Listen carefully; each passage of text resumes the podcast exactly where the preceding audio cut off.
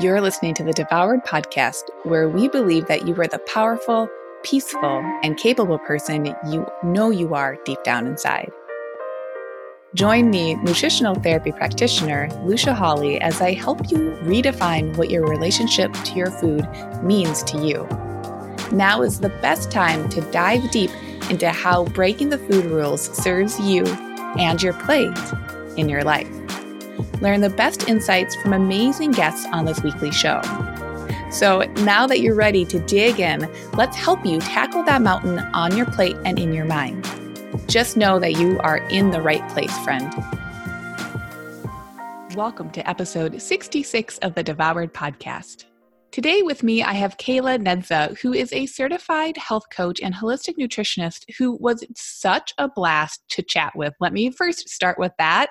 Kayla has this energy that will zoom up and brighten up and energize your day no matter where you're at. So I cannot wait for us to come into our conversation.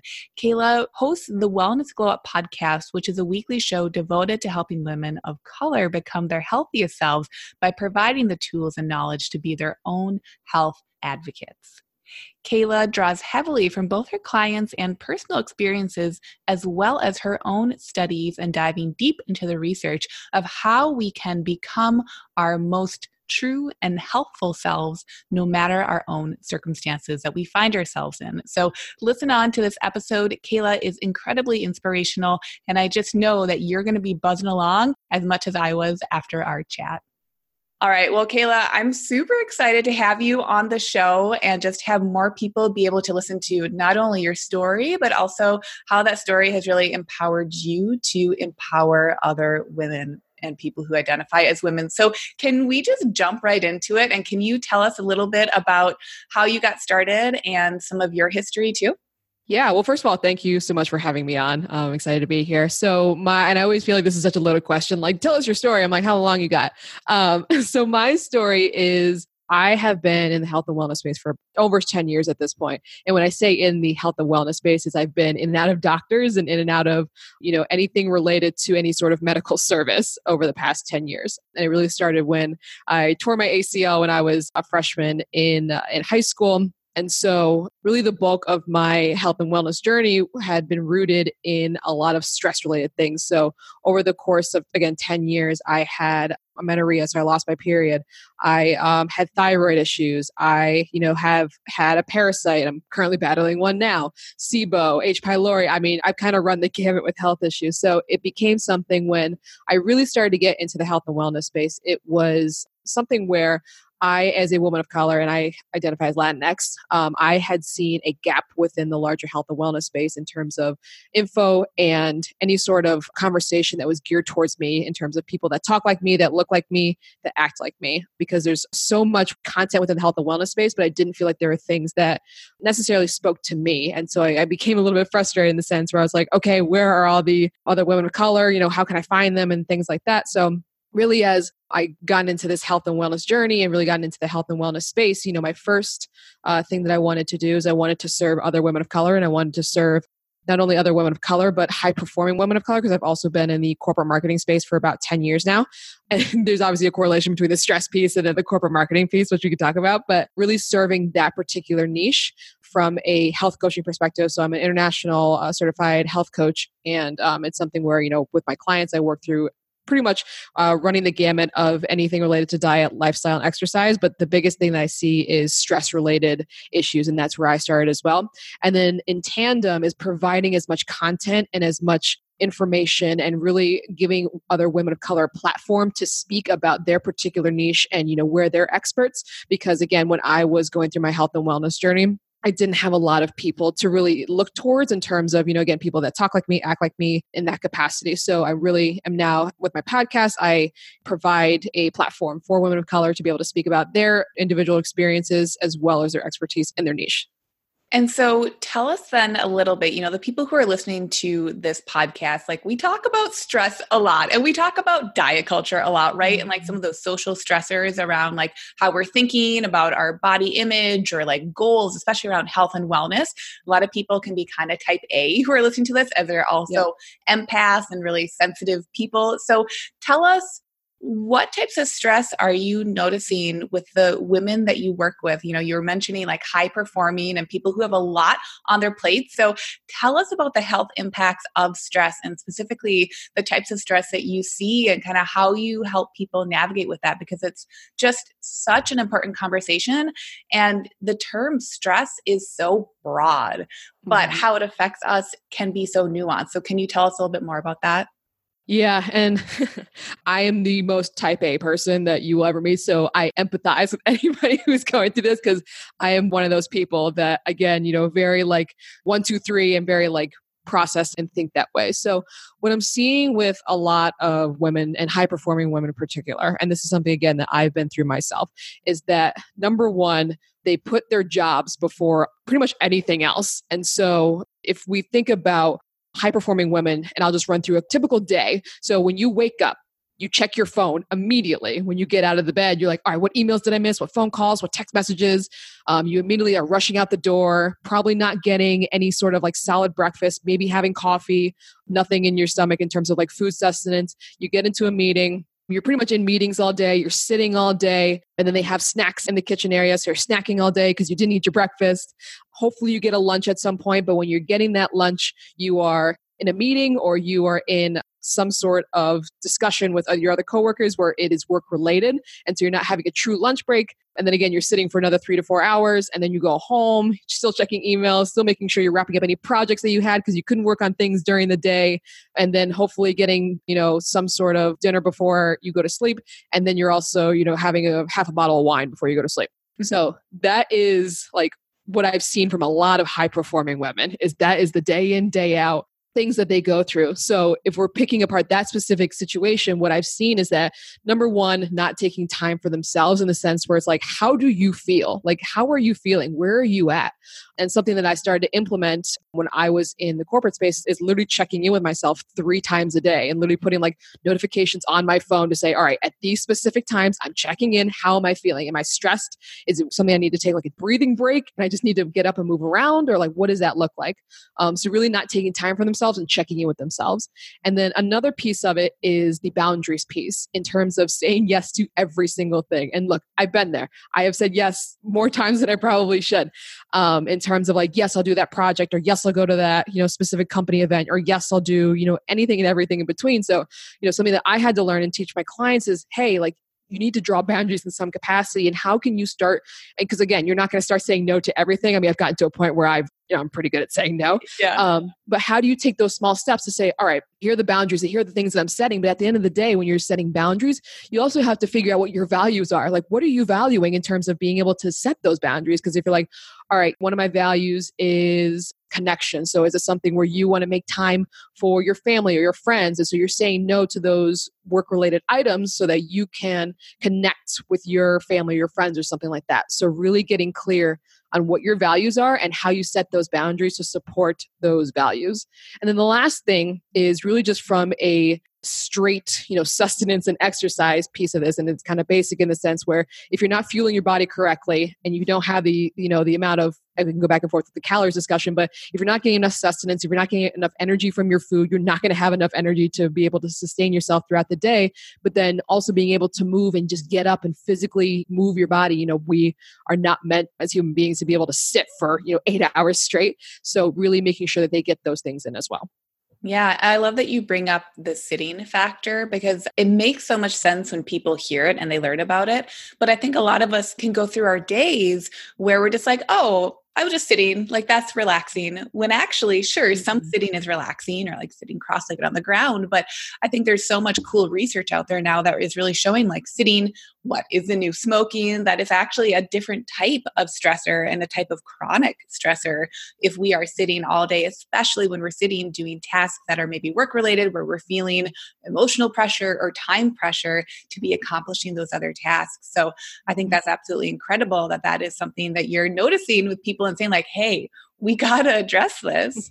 yeah. And I think it's interesting too, because like most of the time we're not even sitting properly. Like our heads are hunched over because we're looking down the computer screen. We're looking at computer screens all day long to where like our eyes start to go. We're not protecting our eyes. You know, sometimes your feet aren't properly put a different way. So like you're putting stressor on your hips, which you're going to put stressors on your knees. Um, so like when people finally do get up, they're like, oh, like why do my legs hurt so much? I've been sitting all day. Like, shouldn't it be more relaxing? I'm like, well, you're not sitting the proper way either. so, yeah. Right. so yeah. So when people are working with you, they're self-identifying as someone who's high performance. Mm-hmm. They really value their work ethic, and they're noticing like something's got to give.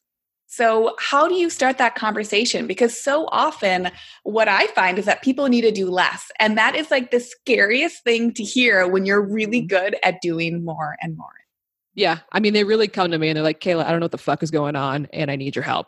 and I'm like, all right, well, what's going on? And they're like, and it boils down to a few things. Number one is like brain fog. They're like, I literally can't remember what I had for breakfast. I can't remember like what we talked about in that meeting. There's a haze over them. They also come to me with they feel like they're very tense and they at the end of the day like when we talk about anxiety like it also trickles down to the gut. They're like i have a lot of gut issues. And they really start to talk about like you know i have a lot of stomach uh, issues in terms of like bowel movements and um, i just feel like this tenseness in my stomach and i can't really explain it and then the other one is is their skin starts to freak out. So they're like, I've never really broken out, like maybe as a teenager, but like all of a sudden I'm starting to have like acne, starting to like have red patches all over, and really starting to feel like inflamed in my skin. And those are the three main things that they come to me with. And I'm like, okay, so you want some real talk? And so we have a real conversation. I'm like, to your point of what you said before, is like, all right, well, you're going to need to dial it back. And here's how we're going to dial things back. And it is the scariest thing to do that because, like, one example I can give is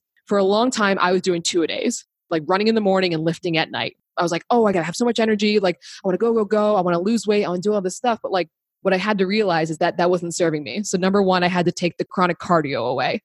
And then I even started taking some of the weightlifting away. And I was like, all right, I'm to do yoga and I'm to walk. And literally, for like, this is the most terrifying thing for me, but for a month straight, I didn't do anything except yoga and walking.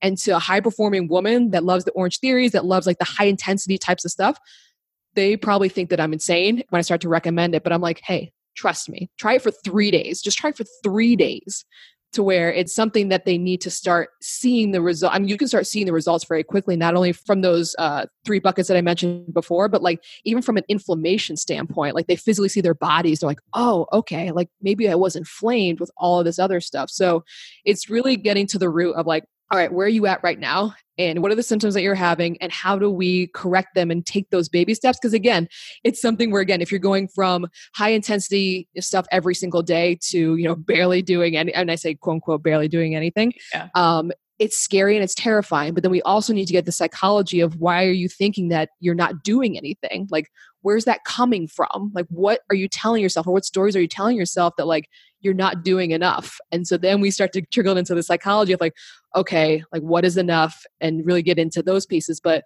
those are the big things I'm seeing in terms of like, all right, there's this big psychology piece behind it. And how do we overcome those things to be able to get to a place where you don't have crazy brain fog, where your skin is, you know, clear and good and uh, you, know, you don't have that really stressful and anxious mode about you. Why do you think women feel that pressure to be doing Ugh. more and being more, which is a big can of worm subject, but I want to go Ugh. there. No, I'm with you. I'm I'm glad you're opening the can of worms. I'll get on my soapbox for a second. Um, it's something where we are continually told as women every single day that we're not enough. I mean, if you even think about, and I'll give one specific example, but the beauty industry, like we spend so much money on these products to where you know we continually get these messages of like hey you're not quote unquote beautiful enough or you're not um you know pretty enough or whatever is you have to put and look i'm not you know denouncing makeup. I wear makeup every once in a while but like when there comes to be this continued message of you are not enough in every single capacity whether that's you know what your body looks like whether that's you know how you look. And even like there's a statistic out there where there's a high high majority of women who are getting master's degrees and accelerated degrees. And so there's an argument where why do we continue to feel the need to go get these advanced degrees? We're already getting paid less than men. So we're struggling to pay for these to get the accelerated degrees but then we're still not getting those accelerated positions with those degrees so it's something where again, from a larger societal um, standpoint, we're continually told that we're not enough. And we try and do all these things in terms of like making sure that we're on top of everything, especially for high performing women. Like, as high performing women, we want to perform and we're going to perform. But at the end of the day, like if we're continually put in these positions where we're told that we're not enough, we're gonna start to internalize and say, yeah, we're probably not enough. Like, uh, yeah. And we start to internalize these things to where, again, all those symptoms come up and it becomes this like cyclical thing of like we're continually in this pattern of really bad behavior and really bad thoughts and even as um, i'll take it a step further with women of color you know the same thing is you know we're getting paid less from an overall standpoint as particularly latinx and black women in terms of pay and overall um, opportunities within larger spaces. So it puts even more stress on us and tell us that we're not enough just based on skin color in particular. So there's definitely levels to it. But I think at the end of the day, when we're told all of these messages on a consistent basis, it starts to get to you and it starts to become something where you internalize it. And that is really at the root of what all of this is coming to fruition. Yeah. I love that because it's when you're working with someone, they come to you and they're like, I want to feel less bloated and I want to like sleep better at night so I can do my job better or XYZ. And then it mm-hmm. really, we always have to go back to those deeper root causes, which I think some people don't really want to acknowledge. And once we do that, then we do have to open up the playing field and say, like, listen, this stuff is rooted, like, it's not just you, it's not just us as individuals, which I think in the United States, we love to have things be really individualistic, which cool. There's some, you know, merit to that. But when we look at those roots, like the systemic roots, when you say this is social, this is cultural, this is diet culture, or diet culture is like one hand of power and control culture, then mm-hmm. the conversation gets so much bigger. So, what I'm hearing from you too is really that there's this internalizing these messages, but there's a lack of informed consent. And I think part of what you're bringing to the table is you're saying, like, listen, at least we got to acknowledge what we've been consenting to, and then we can make a choice in whatever direction we want. But it's that switch in terms of consent. Yeah, that's actually an interesting point. I never thought of it like that. And I think that's really interesting. And another point that I'm seeing, another thing I'm seeing with high performing women is like we've always performed. We've always done well. We've always you know been able to do the tasks that are set before us and be able to climb any mountain. So when these types of things come to high performing women they're like this is new. I don't like this. And they don't want to get and i say quote unquote control. They don't want to give control in the sense where like okay i feel out of control now because i don't know what to do because i've gone from point a to point b to point c and i know how to do that in other instances but i don't know how to do that here and so it becomes even more stressful because you're like, all right, I don't know what to do, but I usually know what to do, but now I don't know what to do. And then you're also relinquishing control to another human being saying, like, I want you to reduce all this stuff. I want you to get down to a cup of coffee a day mm-hmm. and like really talking about scary things to them. And it's like, okay, like how do you really, again, to your point, get to the root cause of all these issues and really deprogram some of the thoughts and stories that they're telling about themselves in their head, which is, you know, a lot harder than just giving somebody pills or giving somebody medications and saying, all right, here you go, you know, go on your way. It's like, all right, how do we get to the root cause of everything? Which is, again, like, it's a lot. It's a lot. I think there can almost be an identity crisis that happens there too. Like, I figure everything else out. Why can't I figure this part out? Yeah, the Devoured podcast is sponsored by Branch Basics, creators of the safest home cleaning products from laundry soap to window washing. Their concentrate goes into different refillable and reusable containers that even the most chemically sensitive can use without worry. I've been using Branch Basics exclusively as my all purpose laundry, bathroom, hand soap, and more options for over a year. And if you like being safe, efficient, minimal, and more eco friendly, you'll love this company just as much as I do. Branch Basics is offering 10% off all starter kits for devoured listeners, so head over to branchbasics.com and use the discount code DEVOURED on your first order today. And I mean, I've had identity crises too. Like when I, I mean, I was an athlete growing up and I tore my ACL, like I mentioned before. And I thought I was going to go to college and play soccer and get a full ride and everything. But, you know, I had been playing sports for 15 years and I had to really transition my identity because I'm like, I always thought I was an athlete. I'm not an athlete. Like, what do I do?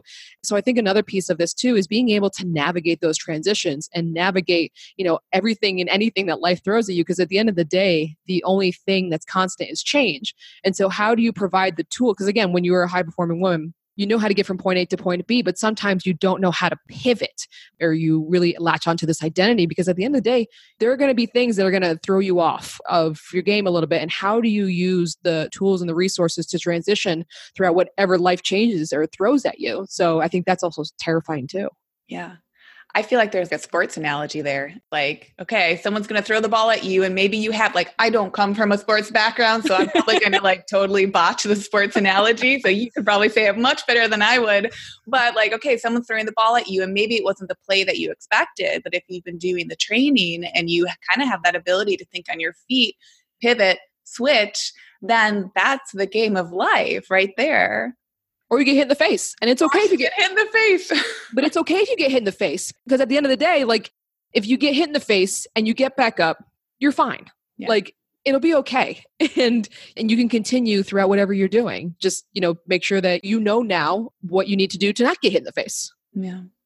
Tell us more about your health journey and some of those physical symptoms that you were describing earlier and how those have shifted or changed or maybe have represented themselves. Tell us a little bit about that. Yeah. So I first started having my health symptoms probably my freshman year of college. It was a big mindset shift from high school to college. And in high school, I'm like, eh, I don't give a fuck. I could just like literally, you know, do whatever I want. I can pass these classes. But then I started realizing in college, like, all right, I'm paying to go here. Like I can't mess around here. Um, I want to do well. And not only that, but like with the school that I went to, it's in the Midwest. It's, you know, predominantly white. And it was something where I was the only, you know, Latinx person in the class. And I wanted to make sure that I was, you know, balling out. And I wanted to make sure that I was in a place that I was not only keeping up with them, but surpassing them. So I put a lot of pressure on myself to get really good grades. And so that's when I started realizing the symptoms that were coming up. And it was anything from, you know, belching after meals. Um, it was anything from, you know, I was really bloated, really distended.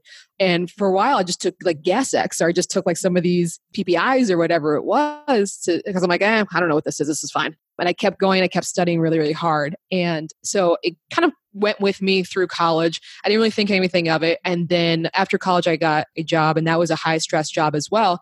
And I was like, okay, something's wrong. And so I went to the doctor, and they had given me antidepressants because they said, all right, your your stomach seems off, and it seems like it could be really be solved through some antidepressants. So I said, okay. And so I was on that for a little bit, but then I I pretty much just tried to do things on my own. I'm like, eh, I'll figure it out. I didn't do anything for a while. My symptoms continued to trickle in, but it wasn't anything too crazy. But then um, a year after that, my mom had passed. Mm. And it was something that was, you know, out of left field. It was something that, you know, was completely unexpected. And um, at that time, you know, my mom was my best friend and I lived at home. And so I was taking care of her for a long time. And she had, you know, unexpectedly passed. And so I got to a point where I literally pushed all my feelings away. I took care of my family and my symptoms started to surmount to where I had left my family taking care of them eight months after to get another job back here on the East Coast because um, I was in Ohio at that point and I had thrown myself into work and I was working maybe 16 hours a day, you know, something like that, because I didn't want to feel my feelings. I wanted to feel numb. And so that's when my symptoms started to get out of control because I was eating really, really high sugar. Like I was binging like crazy. I was staying up late you know, it was kind of a culmination of everything to where, like, at one point I had, uh, you know, attempted suicide. And it was something where I literally took a step back and I was like, okay, like, this can't happen. This is something that, you know, is really scary and terrifying. And I need to make sure that I, you know, figure this out because I don't want to feel like that again. And so I literally had to, you know, overhaul everything I was doing. That was, you know, diet and lifestyle, my job, exercising, everything like that, to literally take those like stress reduction type of methods. And not only that, but learning more about food and nutrition and holistic health and things like that. And that's when I had uh, gotten into IIN to be able to be a health coach. And so it was pretty much a, a whole life transformation, but it was the culmination of like all these things and really not even listening to myself saying, all right girl you need to take a, you need to take a step back. You need to relax and you need to pivot a little bit because if you keep going the way you're going you know you're going to get to that scary point. and i got to that scary point. Mm-hmm. and so again my goal is for women to not get to that scary point because it's something that you know again i was in myself and it is terrifying when you're in that frame of mind. Yeah. Would you say that certain points in your journey that you were addicted to stress? Oh yeah. Oh i talk about this all the time so I'm glad you brought this up. Um, I'm a recovering addict of stress. I'm a recovering addict of anything detrimental to my health and wellness. I am addicted to anything that is like more drama related. Mm-hmm. And it's something where, because I liked the chaos, because it was something where if I was in the chaos, I didn't have to sit with myself and be able to understand my reality. And I didn't have to connect with my reality, which was even more terrifying than being in the chaos and being in the drama. So yeah, it's something that I continually get to a point where I'm like, okay, like you're veering off a little bit, you're going to the left a little bit, let's pull it back. Because again, like we're talking about addiction in the sense that and the way that like my therapist had broken this down to me is that if you have somewhat of a addictive personality it's going to shift between different things. And so if you're addicted to stress but then you're not addicted to stress you're going to become addicted to something else or you try to find things to like fill that gap. And so i really had to do this like crazy inner work to be like all right i'm enough. I don't need to seek all of these external things you know and fill these gaps. So i've absolutely been addicted to stress I think that's just such an important subject for people to hear, especially listeners, because it's it's almost also rewarded in our culture mm-hmm. to be addicted to stress, to be high performance, to do all the things, to have the checklist that's never ending, but you're still like checking everything off on the list, or you're like getting through it and feeling good about it. Really starting to understand that for a lot of people, that addiction to stress is another a, it's a coping mechanism, and B, it's another way to numb out. I loved hearing you use that term with that because that correlation there is so big and it's tricky because that's not how we talk about it in greater culture, in greater society. We give people a lot of rewards for saying, like, oh, I'm so busy, I'm too busy, I'm doing all these things, aren't I so amazing? Even though that person, like behind the scenes, might be feeling like they're breaking down and like the last thing they could do is one more thing. But that presentation is really fascinating. Yeah. And I mean, it's also interesting when we talk about high performing women, like most of the time, especially with my clients, is they feel like they have to keep up with men in some capacity in terms of like, oh, I need to keep up with all my male bosses or male coworkers or whatever it is, to where, you know, I literally got to break down and be like, all right, you are very different biologically. um, the stress that you're going to have on your body is going to impact you a lot more than it's going to impact them. Mm-hmm. Um, and I really have to like break down the science to them in terms of like cortisol production and your sex hormones and all these other things. And even like some of my clients, they come to me and they have missing periods, and I'm like, all right, hold on. like, let's take a step back because now we're talking crazy. Um, and so I really have to like educate them on like, all right, from a stress standpoint, because you are so ingrained in trying to be better or do better or even you know in my case numb out or not be in your reality like you're really putting a detriment to your larger health and i want you to understand why. Now look you can make the decision to do that. I'm not going to force you to do anything but i want to give you the education and the knowledge and the tools to be able to make that decision yourself because at the end of the day you know to your point what you're saying is you know we're not necessarily talking like that in the larger health and wellness space. It's more like all right i'll give you what you need and you can make the decision but i want to make sure that you're informed about the decisions that you're making. So. Yeah. and so once your clients have started to work with you what do you notice for them? Like what is that change process like when they start to really really truly dive into their stress I start to get hype. it's one of those things where it's like it's always hard in the beginning, and if anybody's a coach, like you kind of get it. It's like when you first start coaching somebody, you're really like, all right, like I can't wait to have your breakthrough. Like you're gonna do it. I know you're gonna do it, and I believe in you. But it, sometimes it takes more steps to get that breakthrough. But when they really start to see a change and a transformation, they actually start to change their language. So we'll sit down, we'll have our discussions, and have you know our check-ins. I'd be like, you know, what's new, good, what's going on and they're like yeah you know and actually this is this is actually what a, a, client said to me most recently. She goes yeah i was in a meeting the other day and somebody pissed me off and i was really upset about it but then i took a moment and i thought about like why i was upset about it and like why i was you know tripping off of what they're doing. And i took a step back and i'm like okay what they're doing doesn't necessarily impact me and i can only control my feelings. I literally took a step back and i'm like wait what because they're starting to understand and really like have these conversations in their head and being able to be self-aware and have that inner dialogue because at the end of the day like that inner dialogue is important in the sense where if you can have those honest and real conversations with yourself whether it's you know you're stressed about something that somebody did or, or you know you're feeling a certain type of way that's when changes start to happen because they're like okay now i'm really going to start implementing those things. You know i have the tools and the resources but when you start to implement them that's when things start to change and that's when things start to really move because then they're like okay you know now i'm gonna you know change my breakfast and i'm gonna have like a high protein high fat breakfast before i come into the office. And then things really start to move and they're like oh okay and they start to like really feel better. And then they have this cloud that's kind of lifted from them they're like it starts to click. And when they start to realize that things are clicking that's when you know they really start to transform. Yeah then things are on fire and then they're like let's do more and you're like wait. Well then what's funny is it, i start cracking up. Um, a client of mine did this. Uh, one of her issues was boundaries. Not only like setting the boundary but like following through with the boundary and making sure that it sticks. And so we were talking in one of our touch bases, and she goes, Yeah, I counted my nose the other day, and there's about 20 no's that I said. I was like, Okay, well, what did you say no to?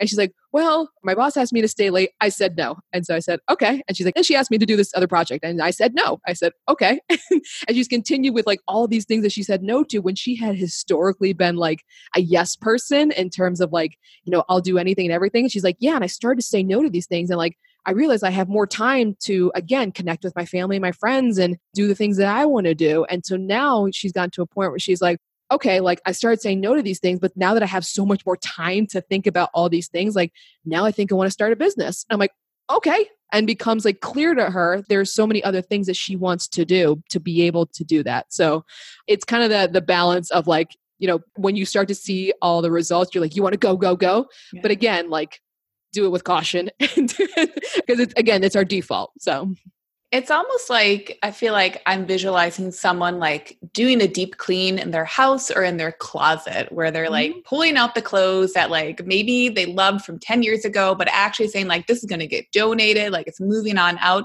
And when you're looking at that closet, that feeling of being like, okay, now that I have this clarity, what that can bring internally in terms of your landscape and like your future. Like again, it comes back into those big things when you have that future thinker. I love that example with your client where she was recognizing like I want to start a business or like being able to say no to these short term asks and demands on me opened up so much more clarity and just like play too and creativity.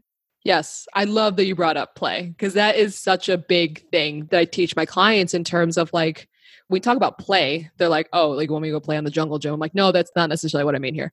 It's just more like, when was the last time that you like sang in the shower, sang in the car, or like danced around your apartment and like literally acted like you were a kid in terms of like you didn't care what was going on. And especially high performing women, like we're so type A or we're so narrow in our thinking sometimes that like I actually told one of my clients this. I said, here's what I want you to do. When you get up in the morning, I am mandating a five minute dance party. I want you to dance around your apartment to any type of music you want, whatever you like, but five minutes minimum. And she did it for a week and she's like, oh my God, I feel so much different. And it's because you're literally, again, when we are talking about high performing women, we are so tense all the time to where, like, if we let go in any capacity, we're like, all right, we're out of control. Like, what's wrong here?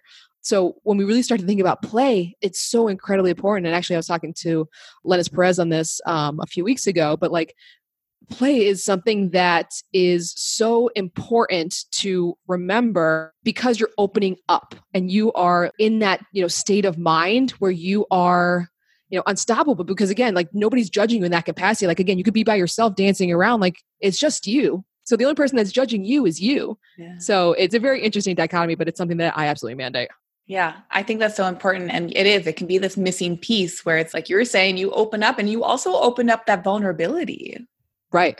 Big, big deal. It's scary to be vulnerable, especially again, if you go back to that identity as well. And being vulnerable hasn't gotten me where I've gotten to today. So it's really almost like that next level thinking and shift and saying, okay, like there have been all these strengths to what you've been doing, but because of the signs that your body's showing you, now is that time. It's that special time to pivot and go to that either next level or just like different playing field and be able to kind of step into what your body's asking you to step into.